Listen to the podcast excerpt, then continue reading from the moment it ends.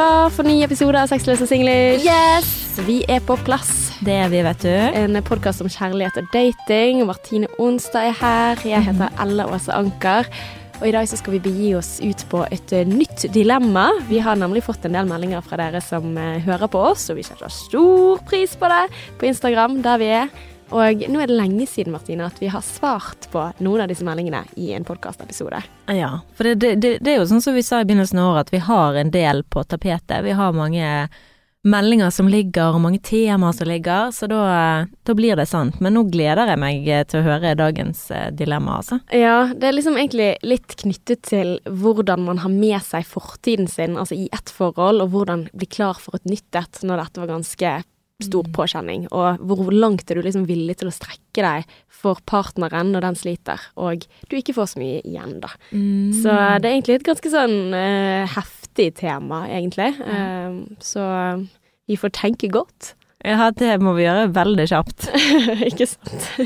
Men Martine, hva er det som står på tapetet for deg? Ja, altså jeg òg bare føler jeg det er så mye greier som skjer samtidig eh, om dagen, så jeg eh, Ja, jeg er litt sånn her eh, oppe i eh, Hva det heter Jeg er jo et lufttegn, sånn rent eh, stjernetegnmessig.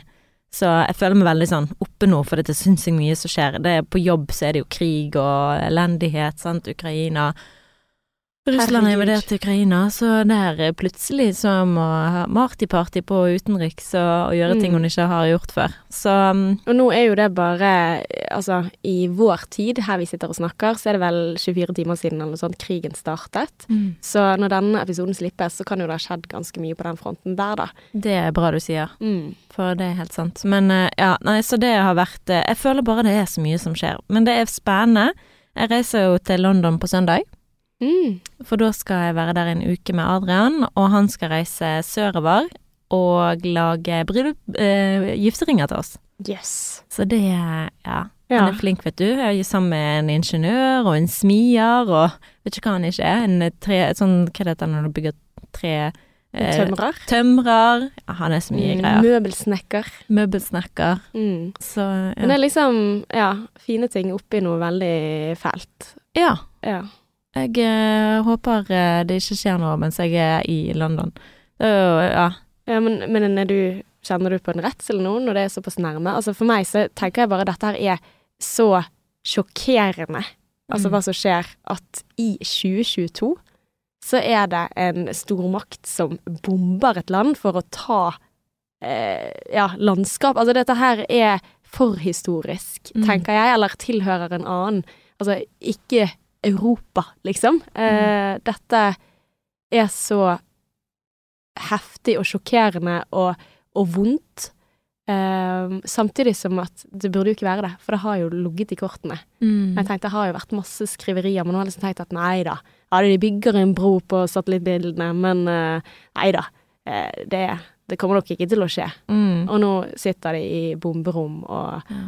Ja, nei, det, det, er helt fucked up. Men det eh, er jo ofte Altså, det, det vil jo være ganske tidløst, det her med makt og eh, Altså, det å være maktsyk, som uh, Mr. Putin er, det er jo liksom ikke noe Det er ikke noe som Bare fordi vi er i 2022, så slutter man å være maktsyk, eller slutter mm. man å på en måte være ha Men den form for krigføring, altså for, for meg så er dette bare sånn Seriøst? Mm. Er, det, er, det, seriøst? Mm. Dette Ja, det er vanskelig å ta det inn over seg, da. Det kan jo mm. hende at vi er et annet sted om uh, når denne episoden uh, slippes, altså at man da har kjent mer på det. Og forhåpentligvis så kanskje det ikke er krig, da. Men, Men altså, uh, jeg har mine tvil. Ja, altså når du, han har gått så hardt inn som han har gjort nå, så vil ikke han gi seg om en uke. Altså det er helt fucked up. Men vi kan ikke spå akkurat det. Men hvordan er det for deg som står i TV 2s reporter og skal sette deg inn i alt sammen og ta det på strak arm? Altså, du har mye jobb den siste tiden, har jeg skjønt.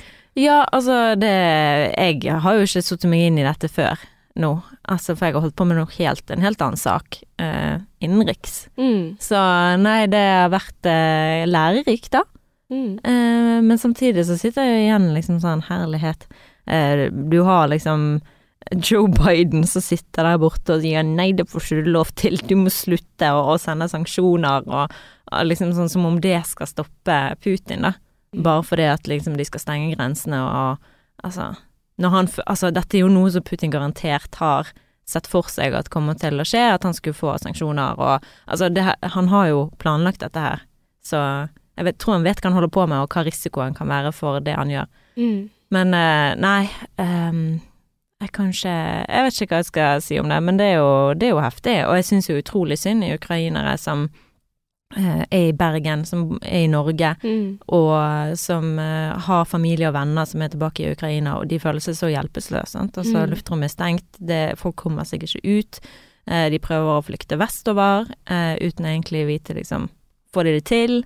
Hva Mm. skjer? Det er veldig mye uvisshet og frykt som sprer seg da, og bankene tømmes. Så det er jo sånn eh, Når vi, eh, når Norge stengte ned, så var det litt sånn panikk, sant. Vi tømte butikkene og Mm. ja. Men dette her er jo krig, Mm. det er ikke en pandemi. Så det, det er jo ja, mye panikk i Ukraina nå, Mm. og redsel og ja.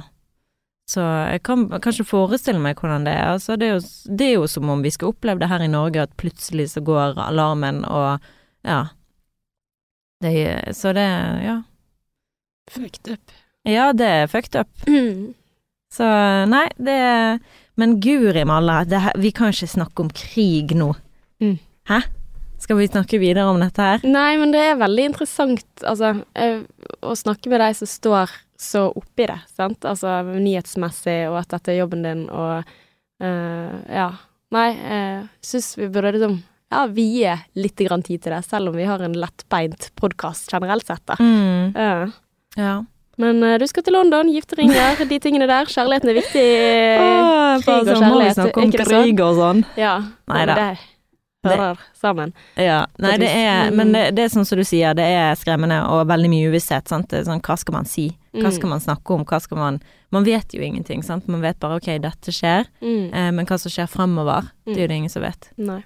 Men eh, vi tenker på de som Jeg av dette Mm. 100% og derfor syns jeg det er veldig fint at vi Altså, sånn som du sier, det er viktig at vi nevner det, da, for det er sikkert veldig mange som føler seg alene, og spesielt med tanke på at Nato liksom ikke militært går inn og Mm. bidrar, så kan jeg jo forestille meg at alle som er ukrainske eller bor i Ukraina, føler seg alene og hjelpeløs oppi Mm. denne situasjonen. Sant? At det eneste du har er noen som er litt diplomatisk og sier nei, nei, mm. det må ikke dere gjøre, Russland. ja. Kom dere ut. Men det vi snakker om er Skal de få lov til å være med i Grand Prix eller ikke?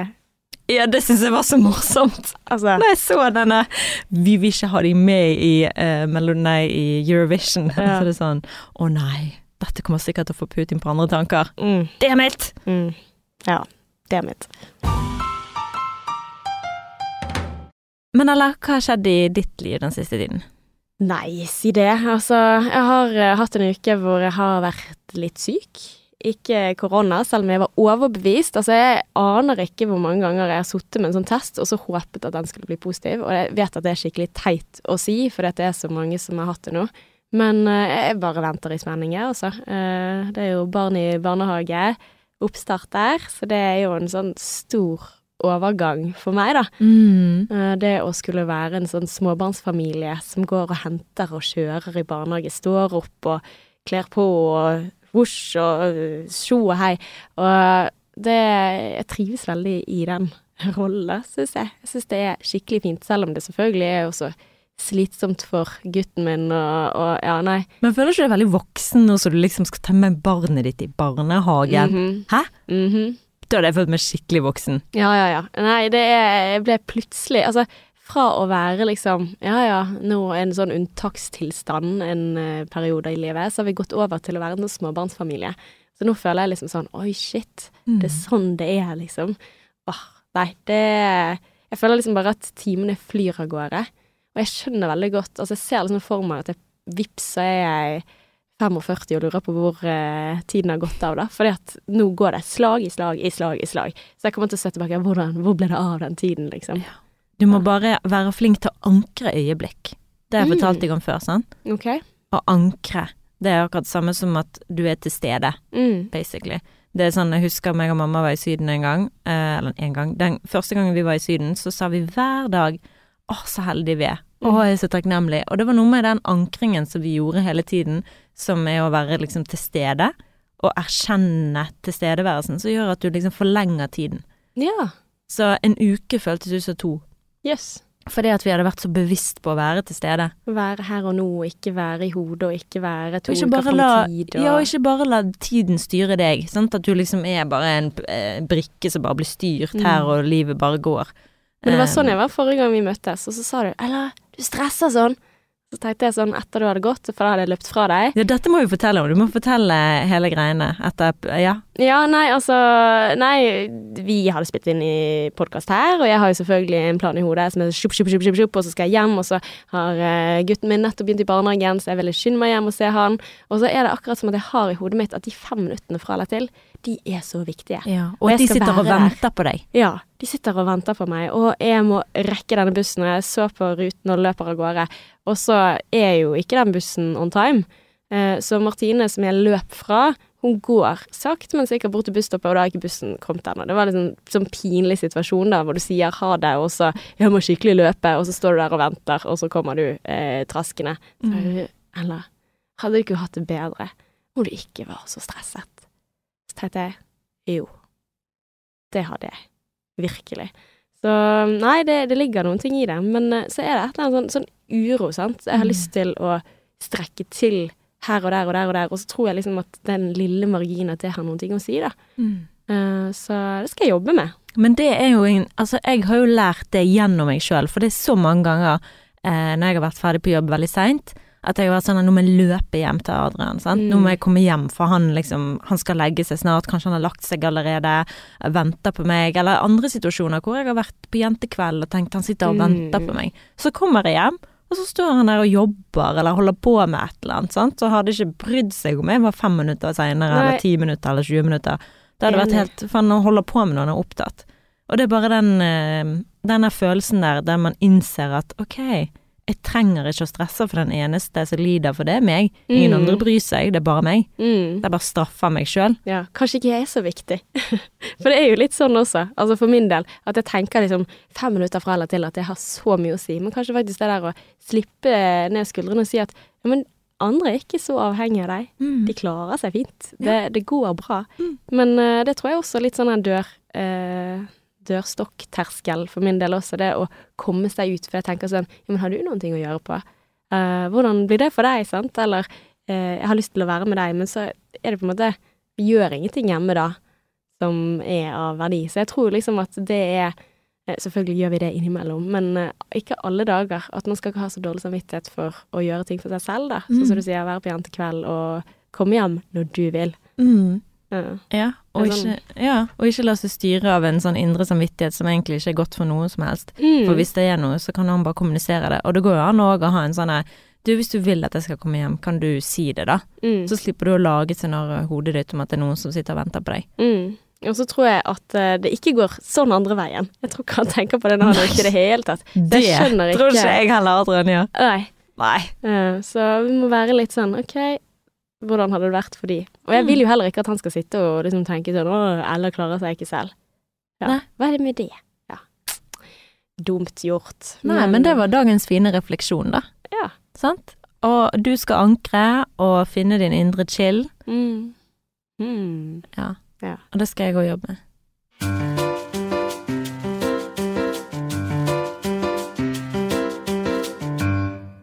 Men ålreit, Martine. Nå skal vi starte med dagens tema. Jeg tenker vi bare starter med å si at vi har fått en eh, melding fra en eh, 30 og noe gammel kar, som eh, vil gi oss et stort kompliment, da, for at han mener da at vi har fått en mann til å åpne seg på Instagram. Mm. Ja, det er faktisk veldig, veldig fint. Og han lurer enkelt og greit på hvor langt man bør kunne strekke seg for å holde på et forhold der den andre parten sliter med noe. Og ikke minst, hvordan i huleste man vet om man er følelsesmessig tilgjengelig igjen etter et, eh, altså etter et sånt type forhold.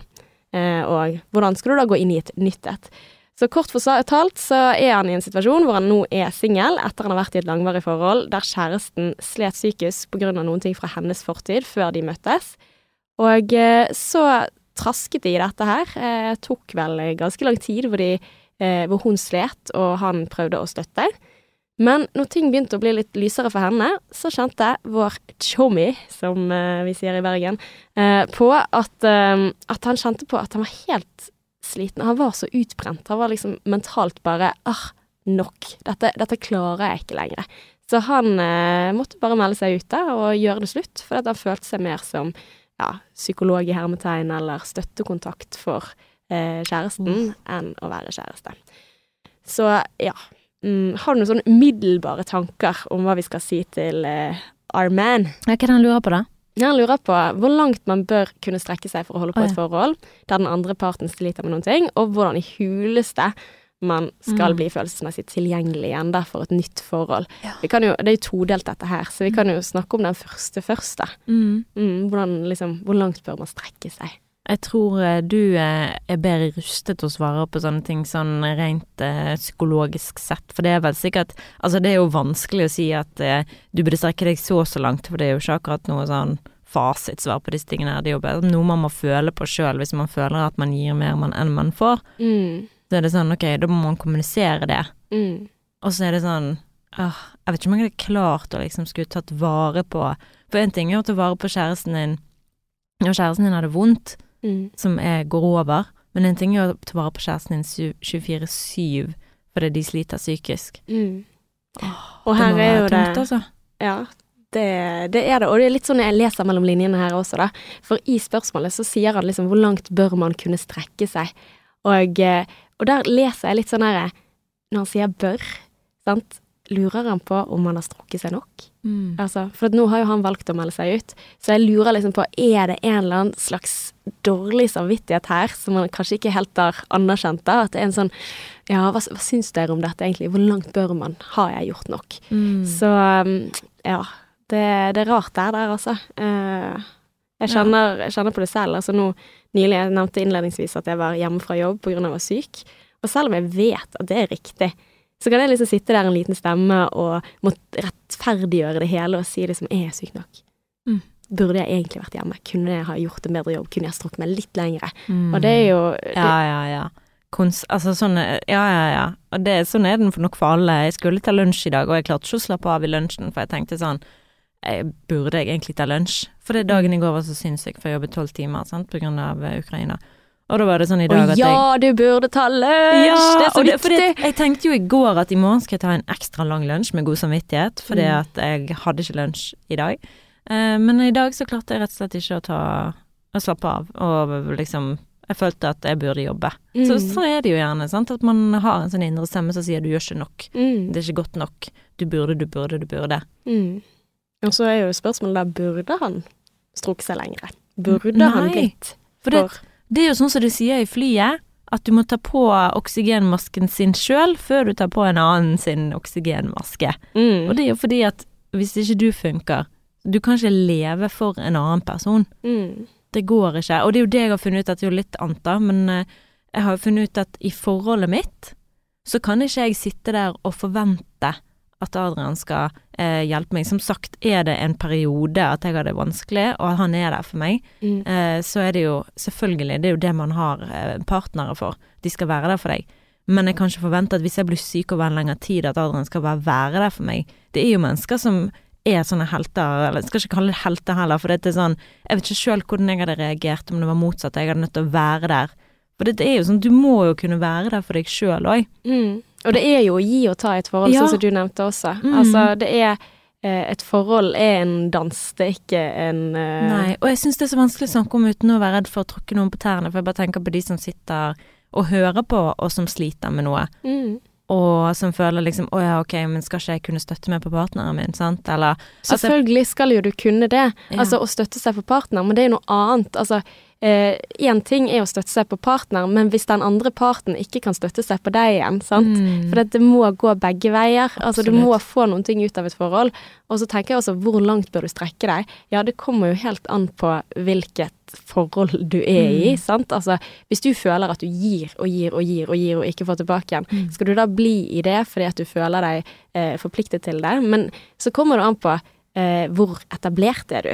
Mm. Sant? Hadde dette vært i mitt forhold, vi har vært sammen i over ti år, eh, og mer enn det, og vi har et barn, ja da må man kanskje strekke seg litt lengre, Mm. tenker jeg da, Mm. eh, enn det du må hvis du har vært sammen i to år, eller hvis du ikke er etablert, hvis du ikke har noen ting som, som holder deg fast der du er. Altså, for det, det er jo det at et langt liv vil jo kunne få oppturer og nedturer, og for all del, jeg mener jo at man eh, bør jo strekke seg langt for kjæresten sin, men hvis du da over tid blir utbrent sånn at du ikke får noen tid tilbake igjen, og du finner ut at nå er det Nå orker jeg ikke mer, så tenker jeg men det er riktig for deg. Mm. Og det er litt sånn, Sissel Gran hun har en fuckings bok for de som går. sant? Det er jo ikke en prosess som går sånn nei, nei nå var du for sutrete i dag, så nå, eh, nå stikker jeg, liksom. Nei. Det er jo som regel for de aller fleste en, en ganske tøff prosess å være den som forlater. Altså, og den, eh, den boken er faktisk veldig fin, for den gir altså, For det er alltid den som blir forlatt, som får den oppmerksomheten, den støtten, den omsorgen. Sant? Stakkars, stakkars deg, sant. Hvem den drittsekken som gikk sin vei, sant. Og du sitter her alene og gråter. Og får den offerrollen, selv om det er jo få som, som liker å ha en offerrolle på den måten, men da er det folk som kommer med iskrem til deg, folk støtter deg, og de skjønner den siden. Men den andre har jo hatt en ensom kamp alene, ofte. Gått og tenkt og, og, og stått med dette ganske vanskelige ting, sant. Den du er glad i. Eh, det er ganske ensomt å være den som går, og kanskje også folk ikke har så mye eh, omsorg for den personen, og de har kanskje også kommet lengre i den prosessen i og med at de har begynt på den tidligere enn den andre, da. Mm. Så jeg tenker at, eh, at vi må også eh, vise omsorg for eh, han som kommer med problemet, da. Ja, Eh, absolutt. Men jeg bare tenker sånn, det er jo her selvins derfor selvinnsikt er så sinnssykt viktig. viktig. Det er så viktig å være reflektert. mm. Reflektere over hva som er rett eller galt. Finne liksom sitt indre kompass. Hva er mitt verdigrunnlag? Hva er det som er viktig for meg? For det, jeg tenker sånn, jo mer reflektert du er, jo mer du liksom vurderer ting, da. Hva som er rett og hva som er galt. Du har jo lært det fra du var liten. Så klarer du liksom å finne ut eh, Gir jeg for mye nå? Altså, eller gir Altså, hvor er jeg på skalaen? Sant? Det er sånn Hvis man konstant går rundt med dårlig samvittighet og ikke klarer å vurdere hvor mye Om du har gitt for mye, da har du gitt for mye. For jeg bare tenker sånn, da har du kanskje ikke Kanskje du ikke er helt sånn I kontakt med dine Ja. egne behov. Mm. Altså Rett og slett. Ja. Og det er sånn Det er så viktig, så det beste tipset jeg ville gitt uh, til han eh, lytteren vår, det er at uh, han er nødt til å bli bedre kjent med seg sjøl og sine egne behov, og finne den balansen mellom rett og galt.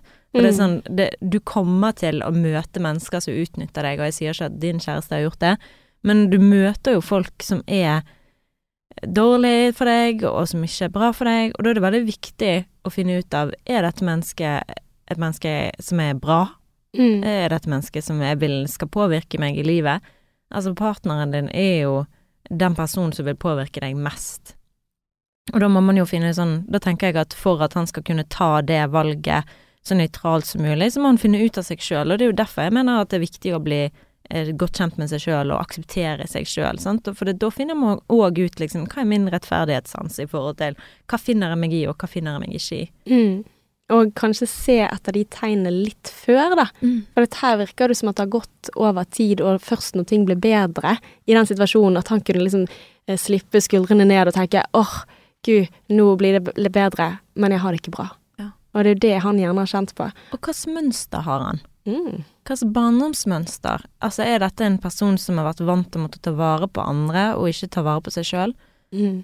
Er dette en storebror? Er dette en, et enebarn som har hatt uh, foreldre som ikke har eh, vært der, så han er nødt til å være forelderen? Kanskje han er vant til å måtte ta vare på andre, og underbevisst, underbevisst så gjør han det, da, ta vare på alle andre, og Mm. glemmer å ta vare på seg sjøl, for det er det han alltid har gjort, så han søker det helt ubevisst. Mm. Det er derfor det er jo veldig viktig å bli kjent med, liksom, ok, hva er det jeg tar med meg som jeg ikke har lyst til å ta med meg? Hva er det som jeg, ja. Mm.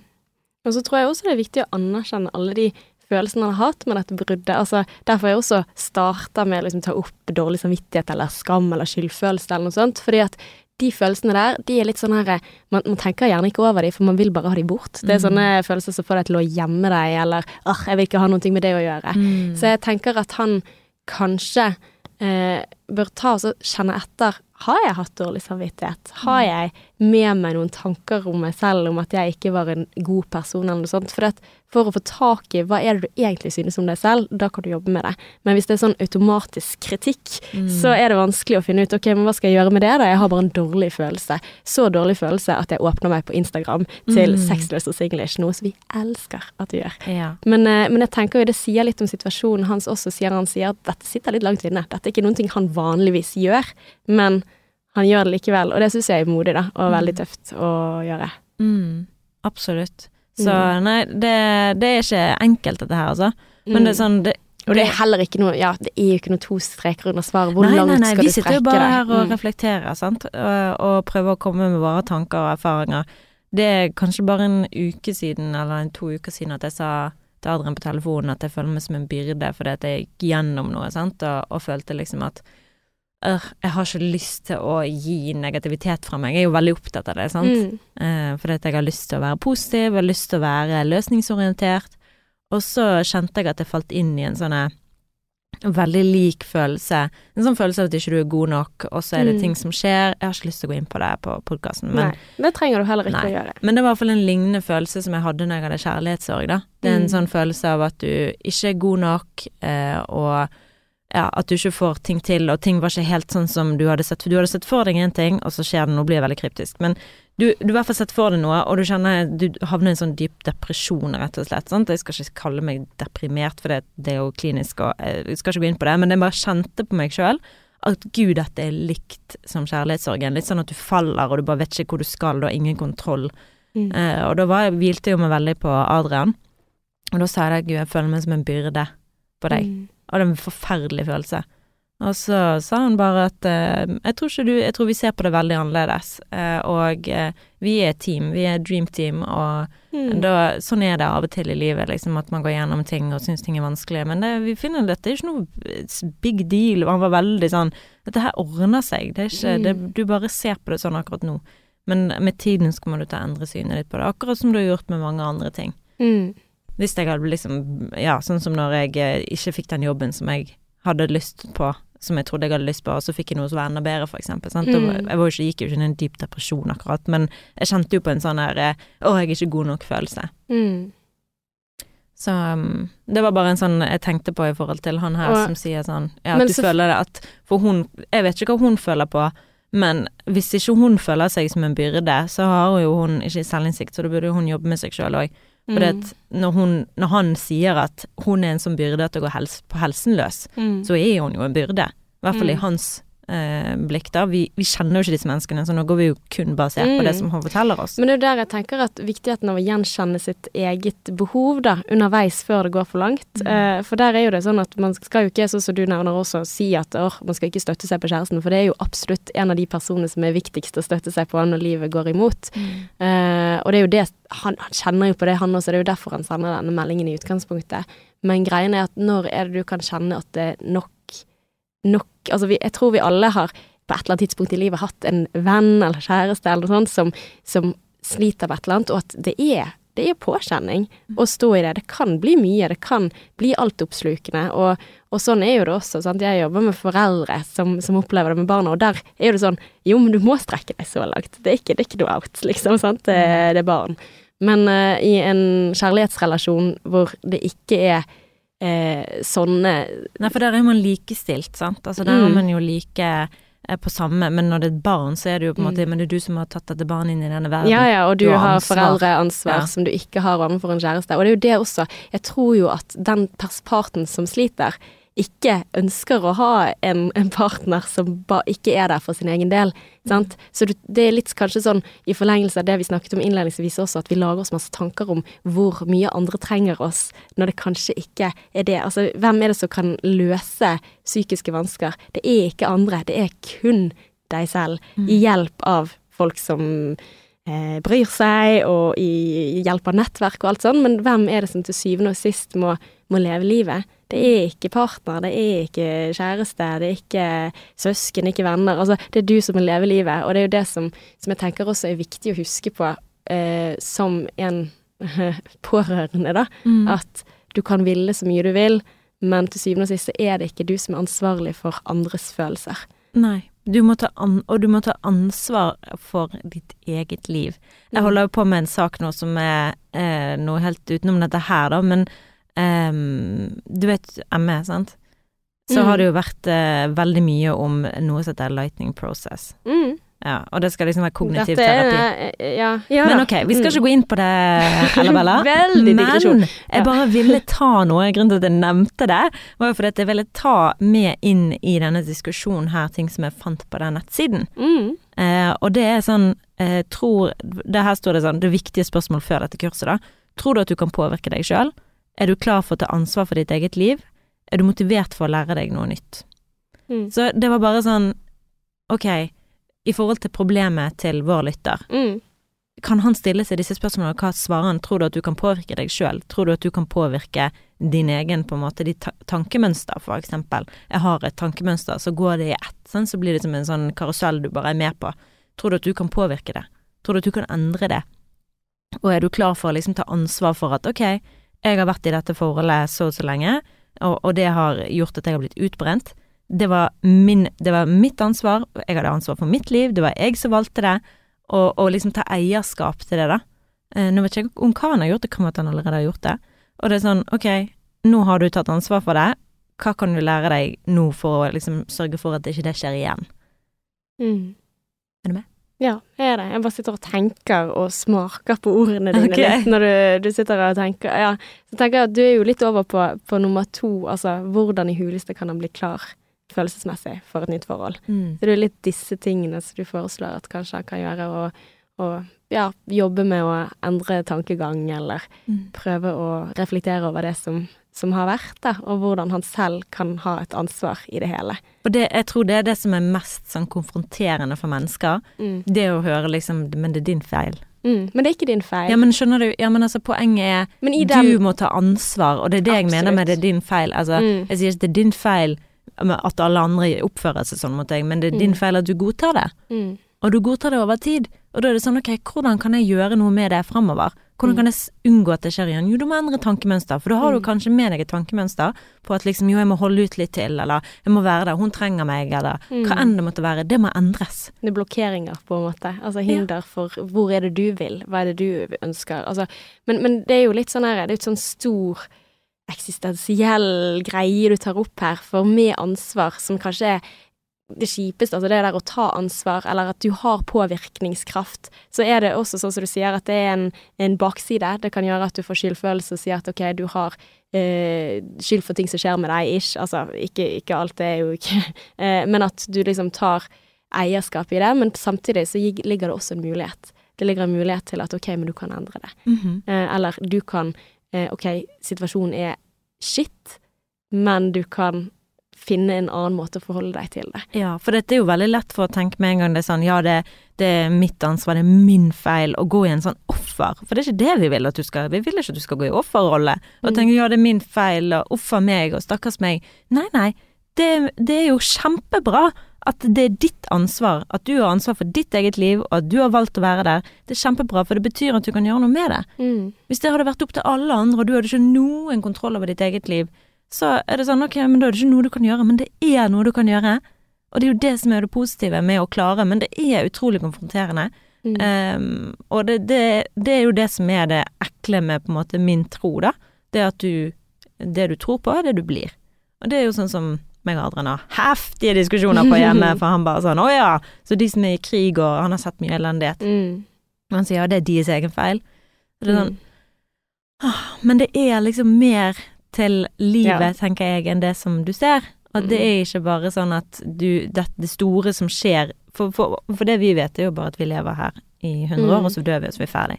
Mm. Men Men, du tror- tror på noe mer. Jeg tror på noe mer. Ja. Og da er det, dette jeg- bare en liten godt- del av reisen. Jeg kan godt ta kjæresten din sitt perspektiv der, da, for jeg, jeg kan også synes at det er voldsomt eh, provoserende når eh, eh, de jobber med folk som er utsatt for alvorlige traumer, og det at Nei, det er ikke deres feil. Og det de sliter med i, stor grad, er ofte altså Skyldfølelse er jo en vanlig ting også, og for egne reaksjoner i traumer og, og sånn. Men eh, så der tenker jeg sånn at nei, det, du blir ikke hva du spiser til enhver tid, altså. Det, livet er fuckings urettferdig for noen, men du har ulike kort som du får utdelt, og så kan du da jobbe med, og det er muligheter hvordan du forholder deg til det. Og det er jo derfor jeg har også troen på eksempel terapi. Ja, men jeg må bare komme eh, smyge inne her, for det, det du snakker om, det er ett liv. Én person, og den lille gutten har ansvar for sitt eget liv. Det er ikke det jeg sier. Jeg sier at den liv, gutten, i min tro, Mm. som er jo kontroversielt, eh, så har han en sjel. Den sjel har levd mange liv, og det liv, de livene han har levd, har endt opp med at han skal gå gjennom det som han gjør i dette livet. Ufta. Det er det jeg tror på. Mm. Og det er Men da det som er er- det vanskelig å ta, liksom, forstå sammenhenger og sånn, for det, det, var ikke, det var ikke din feil, men det var forrige sjelsfeil. Ja, men det er jo deg. Det er Ja. jo bare at ikke du er bevisst på de livene. Du husker det jo ikke. Uffa meg. Eh, Ja, men det er det jeg Ja. tror på! Altså, Ja. det, er jo, det er jo ikke sånn at jeg sier at det er sannheten, det er jo bare min sannhet. Det betyr jo ingenting for deg eller noen andre, det er jo bare mitt liv. Det er jo sånn jeg tenker. Ja.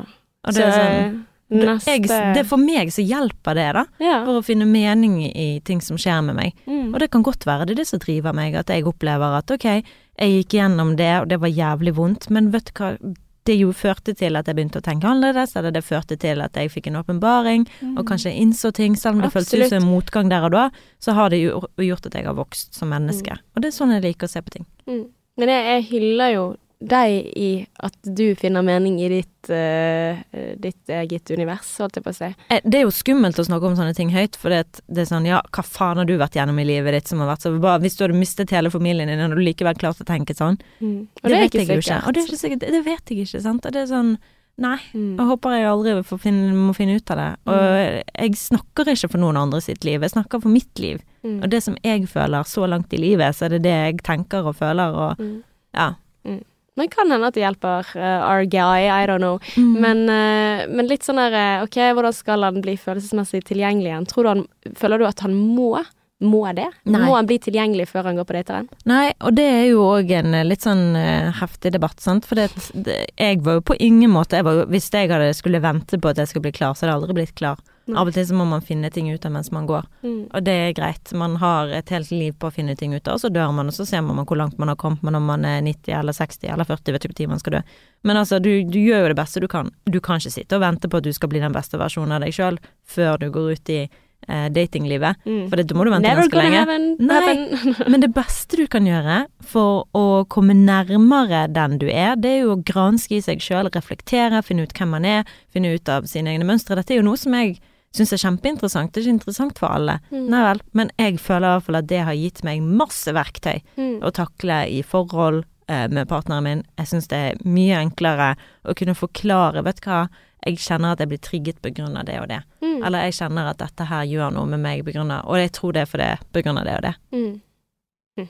Nei, men det, det er spennende, og også så for min del også, sant. Jeg hater jo å sitte og grounde meg selv, eller sitte og liksom tenke over ting i ja, det vide og det breie. Altså, jeg, jeg kjenner jeg har store problemer med det, men jeg gjør det mye sammen med andre.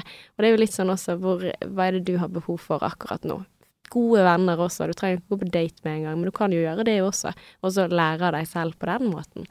Men uh, ja, kan ikke Du må bare hive deg ut i det og se hva som skjer. Mm. Det er jo gjerne ofte når man er minst klar for det, hvor det plutselig bare boom. Ja. Sammenlignet Altså, jeg sa jo til eh, Gud eller universet at jeg er klar for å møte mannen i mitt liv, og så gikk det en uke eller to, og så møtte jeg Mm. Adrian. Så jeg, husker liksom at jeg satt og tenkte jeg er klar. Men jeg også var superklar. Men jeg var egentlig ikke klar. ja, nei, altså, men, for du er aldri klar. Nei, nei. Men jeg, men jeg også var totalt innstilt på å få meg kjæreste når Mm. jeg fant Kristoffer. At jeg var så innstilt. Mm. Sånn helt insane skulle ha. Eh, og ja, jeg hadde bestemt meg for det. Og du fikk det? Hmm. Var du klar for det da? Eh, nei, jeg var vel kanskje ikke det. Når, eh, altså, det jeg kan ikke si at det var en dans på roser, men det er vel ingen forhold heller.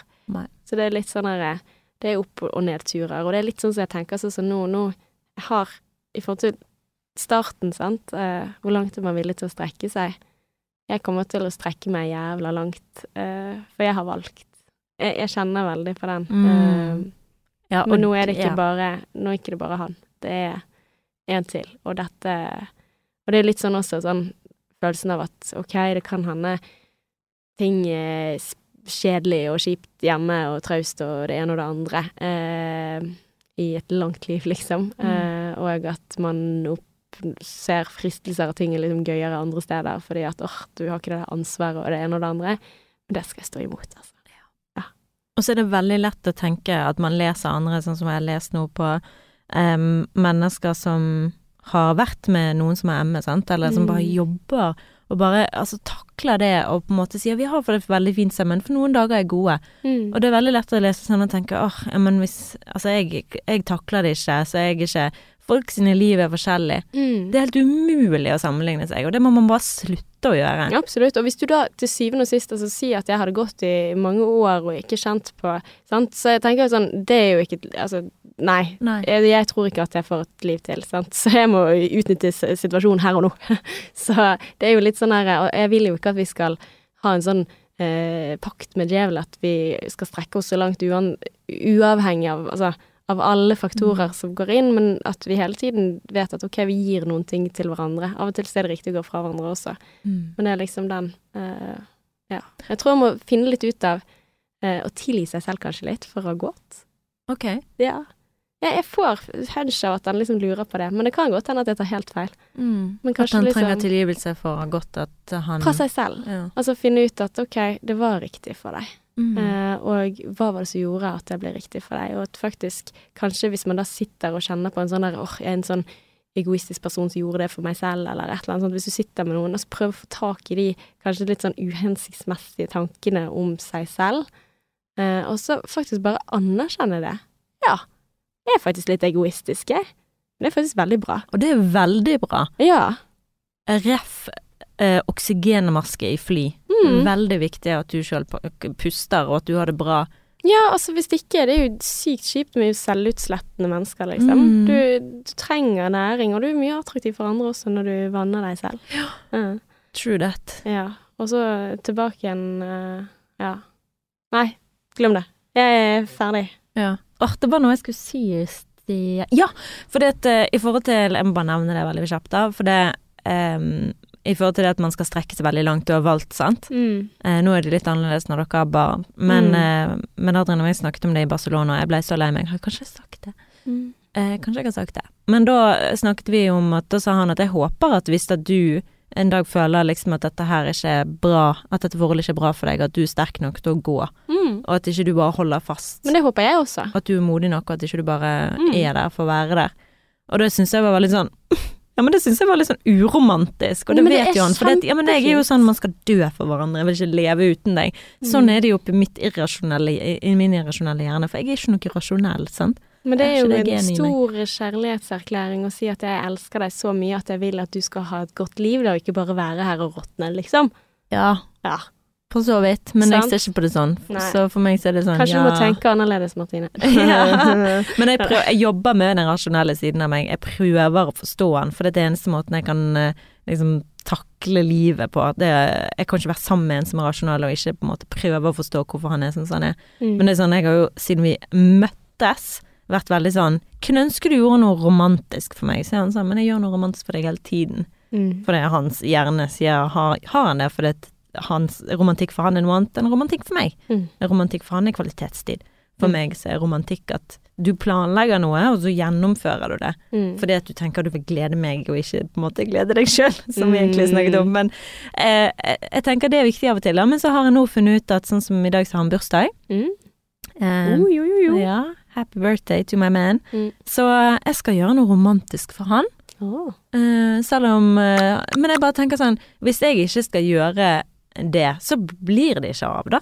Altså sånn, Jeg kan ikke sitte og vente på at han skal gjøre noe romantisk for meg, fordi at jeg Mm. vil ha romantikken i livet. Jeg må gjøre gjøre det sjøl. Jeg skal kjøpe sånn røde roser og liksom strø det rundt. Jeg skal ha Oi. piknik på Stuegulvet. Ja, Mhm. har har jeg sagt det til deg? Altså, dette her er det du går til for alle sånne eh, topp tre. Hva er det du kan gjøre romantiske ting? Piknik på stuegulvet. Piknik på stuegulvet, Ja. så skal jeg tenne lys, og Oi. så skal vi spise ost og kjeks. Jeg har kjøpt nederlandsk ost, Oi, og jeg har kjøpt gode pølser og sånn. Oh. Og så skal jeg eh, legge, for jeg har jo sånn benk i vinduet, den skal jeg ha håndkle på, så skal jeg massere den. Mhm. Eh, og så skal vi ha torsk med chorizo-salsa og søtpotet til middag, det er jo verdens beste middag. Mm. Eh, ja, jeg skal gjøre det superromantisk for oss, så skal vi drikke litt vin, det er jo fredag i dag. Ja, fint. Og jeg vekket han faktisk i dag med frokost på sengen. Mm. Hadde ikke lagd frokost, han bare 'skal ikke du spise?' Jeg bare 'nei, det er ikke tid'. Mm. For en kjæreste du er. Jeg vet, jeg gjør alt det som jeg, det er han som jeg vil ha sjøl. Ja, hva vil han ha, da? Nei da, vi går ikke inn der. Da gir vi takk for i dag, Martine. Hvis du har lyst til å gi litt kjærlighet, så er det Spotify. De har sånn at du kan skrive en ny eh, review, og så det kan de også på Instagram. Da blir vi happy. Men du vet jo at engasjement på godt og vondt, uansett om det er negativt eller positivt Bedre enn likegyldighet. Yes, girl! Motherfucker. Ja. Nei, eh, snakkes da. Ok, until next time. XOXO.